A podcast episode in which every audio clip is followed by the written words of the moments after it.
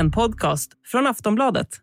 Ever since Russia invaded Ukraine, there's been a concern that the war may spread further, perhaps to Moldova. It borders Ukraine, it has a population of three and a half million. And just like inside Ukraine, in Moldova, Russia supports separatists who control a breakaway region. It's called Transnistria, and Russia has around 1,500 troops who are there. And the situation in Moldova is under ever increasing scrutiny. In early May, the Times quoted a Ukrainian military source saying, We believe the Kremlin has already taken the decision to attack Moldova. Ja, sen krigets början så har det pratats en hel del om vad Rysslands president Vladimir Putin kan tänkas vilja göra härnäst. Vill han få tillbaka det gamla Sovjet, vilket är nästa land på hans erövringslista? Ja, spekulationerna och diskussionerna har gått varma på alla håll. Ganska tidigt så pekades ändå Moldavien ut som nästa mål. Moldavien tillhörde det gamla Sovjetunionen och är ett av Europas fattigaste länder med runt 4 miljoner invånare. Och den senaste tiden så har det återigen börjat pratas om att en invasion av Moldavien närmar sig. Den 9 maj så firar Ryssland segerdagen då de firar segern över Nazityskland under andra världskriget. Nu tror man att Putin planerar en ny invasion just den här dagen. Och man spekulerar i att Ryssland kommer börja med att invadera Transnistrien, den lilla utbrytarregionen på gränsen mellan Moldavien och Ukraina. Transnistrien är en så kallad autonom region i Moldavien. Transnistrien förklarade sig själva självständigt från Moldavien 1990 och får både ekonomiskt och militärt stöd av Ryssland. Regionen har runt en halv miljon invånare. Så hur är läget i Transnistrien och Moldavien? Vad händer om Putin invaderar? Aftonbladets reporter Petter Larsson har under några dagar besökt både Moldavien och Transnistrien. Vi ska i dagens Aftonbladet Daily prata med Petter om läget i området. Jag heter Jenny Ågren och du är välkommen till Sveriges största nyhetspodd. Petter Larsson, välkommen till Aftonbladet Daily. Tack så mycket. Petter, du befinner dig just nu faktiskt i Transnistrien. Eh, hur är läget där? Ja, jag befinner mig i centrala Tiraspol, huvudstaden i Transnistrien. Det är en solig dag och det är ganska mycket folk ute och eh, liksom på ytan så känns det ganska lugnt och fint och business as usual.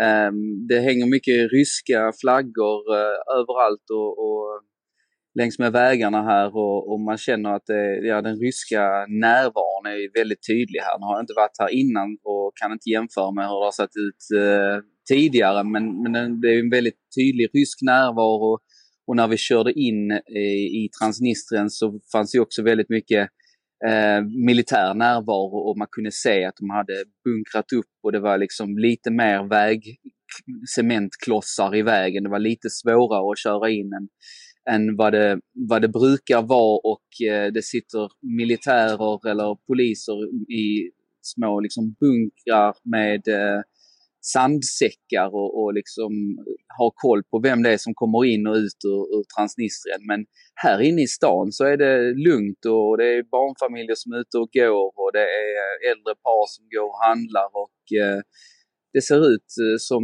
i vilken östeuropeisk eh, stad som helst. Vad säger de som ni pratar med då? Ja, det är ju en påtaglig, eh, ändå, en, en påtaglig närvaro av kriget här, det får jag ändå säga. Jag skulle försöka styra en lunch med en, en kompis till min kompis här och eh, han sa bara att eh, jag, jag, kan inte, det är, väldigt, det är väldigt spänd stämning här just nu och det är inget bra alls. Och de frågade vid gränskontrollen några gånger varför vi skulle hit och vad vi skulle göra här inne.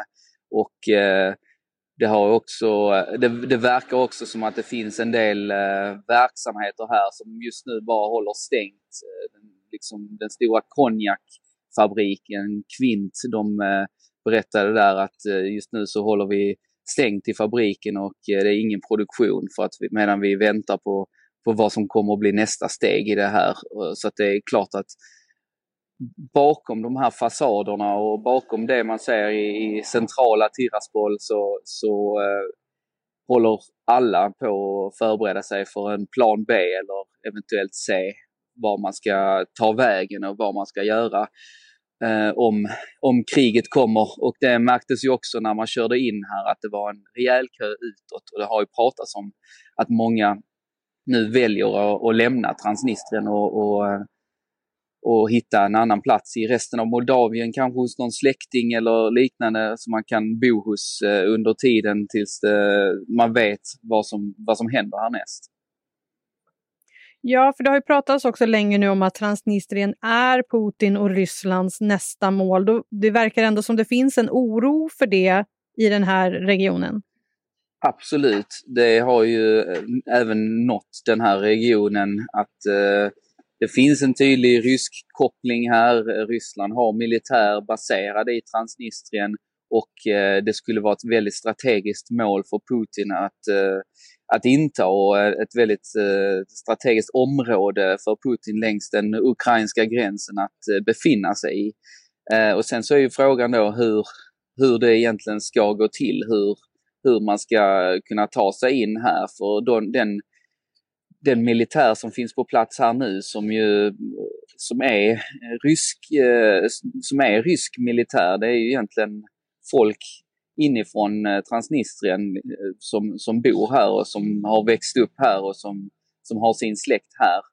Så att frågan är hur motiverade de skulle vara att gå till angrepp mot sina egna eller mot Moldavien som är liksom, som, som av många ses som en, ett, eh, ja, en, en, del av det här landet eller liksom som, som har många ses som eh, samma. Det är många som bor i Transnistrien och jobbar i resten av Moldavien och så vidare. Så att den gränsen, även om det finns en gräns, så är den ganska luddig.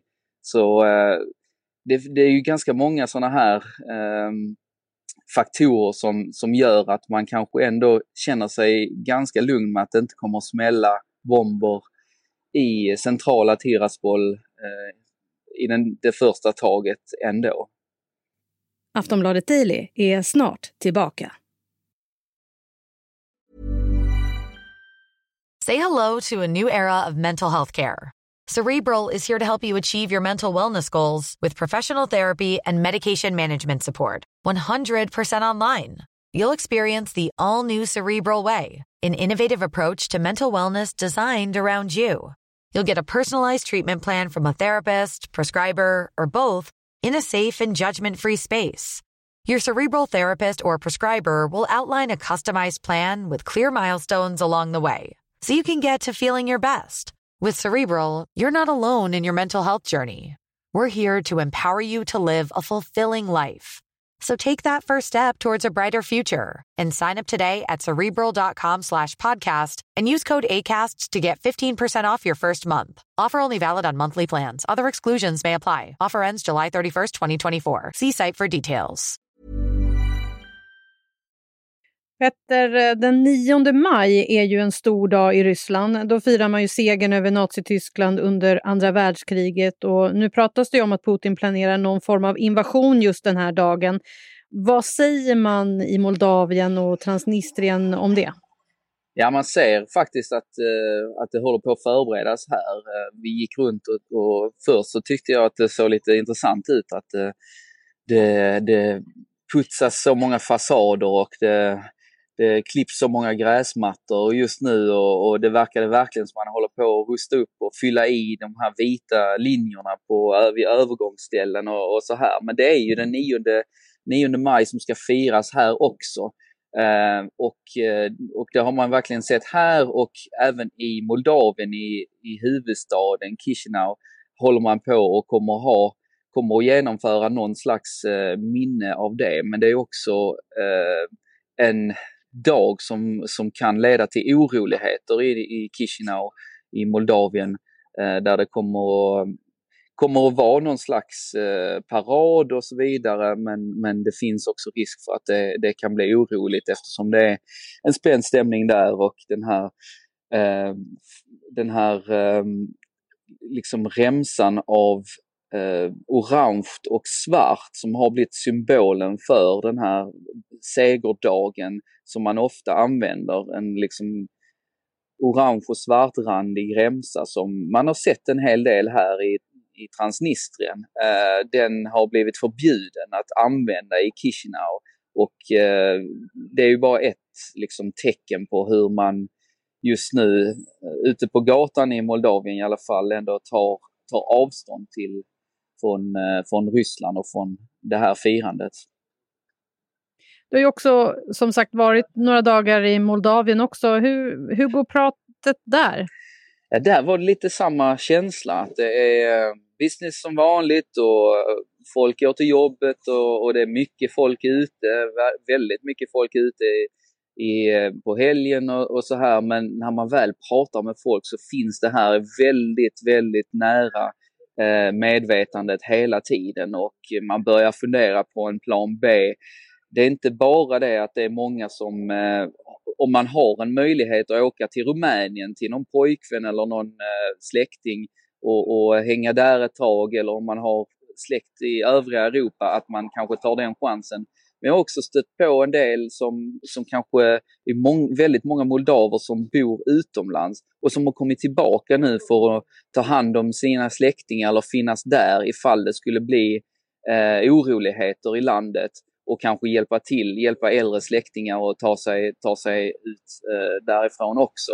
Så även om det ser ganska lugnt ut och, och många, man kan lägga fram de här olika faktorerna att eh, ja, Ryssland har nog med, med problem som de har det och för att faktiskt kunna ta sig in i Transnistrien och eh, utgöra ett ordentligt hot så måste man eh, ta Odessa och, och Odessa står ändå hyfsat starkt eh, för Ukraina just nu. Så, eh, så finns det ju ändå i folks medvetande och jag har pratat med folk som har börjat stocka upp med, eh, med olika förnödenheter och för att liksom kunna klara av och hålla sig hemma ett längre tag om det skulle behövas och, och folk som funderar på vart i Europa de ska, de ska fly om de, om de behöver det. Så att eh, det är, det är absolut någonting som, som man går runt och, och tänker på även i övriga Moldavien.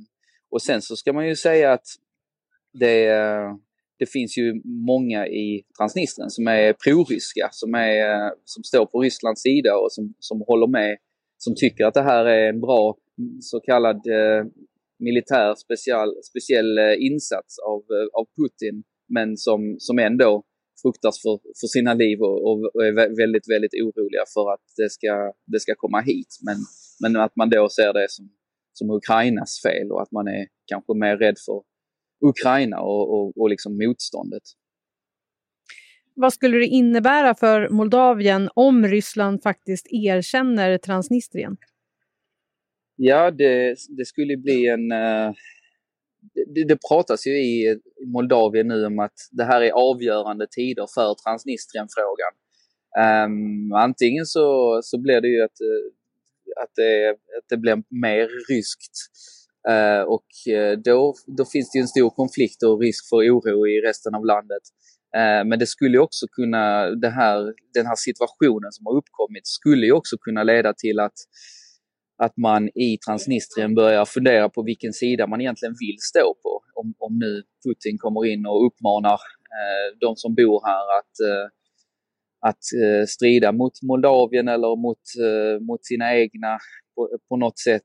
Att, eh, att man kanske in, då inser att vi vill kanske ändå vara en, en större del av, eh, en del av Moldavien som, som man ändå officiellt sett är. Ehm, så att eh, de som, de, som, de som vill ha någon slags förening mellan Transnistrien och resten av Moldavien den här situationen behöver inte leda till någonting helt negativt för, eh, för den frågan. Utan det kan ju vara så att, eh, att den frågan lös, men, eh, löser sig på så sätt. Men i vilket fall som helst så känns det ju som att det kommer att leda till någon slags förändring för den här regionen. Du ska snart lämna Transnistrien och Moldavien. Vad är din känsla? Ja, det, det hänger ju lite i luften allting. Det var någon som sa att eh, den 6 maj då kommer alla män att behöva kallas in till eh, någon slags upptrappad eh, militär eh, beredskap och, och, eh, och det liksom det, det pratas om att ja, männen här gör sig redo för, för eh, att kriga om det skulle behövas. Eh, eller gör sig redo på så gott man, man kan. Men samtidigt så har ju Moldavien inte, inte några, några militära krafter att, att tala om heller. Det har inte heller varit något, något land som har eh, byggt upp någon, någon stor armé utan här, här är det ju kanske snarare frågan om att ryssen skulle tåga rakt in och, och ta vad de, har, eh, vad de eh, vill ha på ett annat sätt än vad de lyckades göra i, i Ukraina. Men det, det hänger ju väldigt mycket i luften och det finns en oro, inte minst här i Transnistrien, för vad, vad som kommer att hända under de närmsta, de närmsta dagarna. Så att det, det är lite speciellt att, att åka härifrån i, i det läget. Tack för idag Petter. Tack så mycket. Sist här hörde vi Petter Larsson, reporter på Aftonbladet. Jag heter Jenny Ågren och du har lyssnat på Aftonbladet Daily. Vi hörs snart igen. Hej då! Tired of ads barging into your favorite news podcasts? Good news! Ad-free listening is available on Amazon Music for all the music plus top podcasts included with your Prime membership.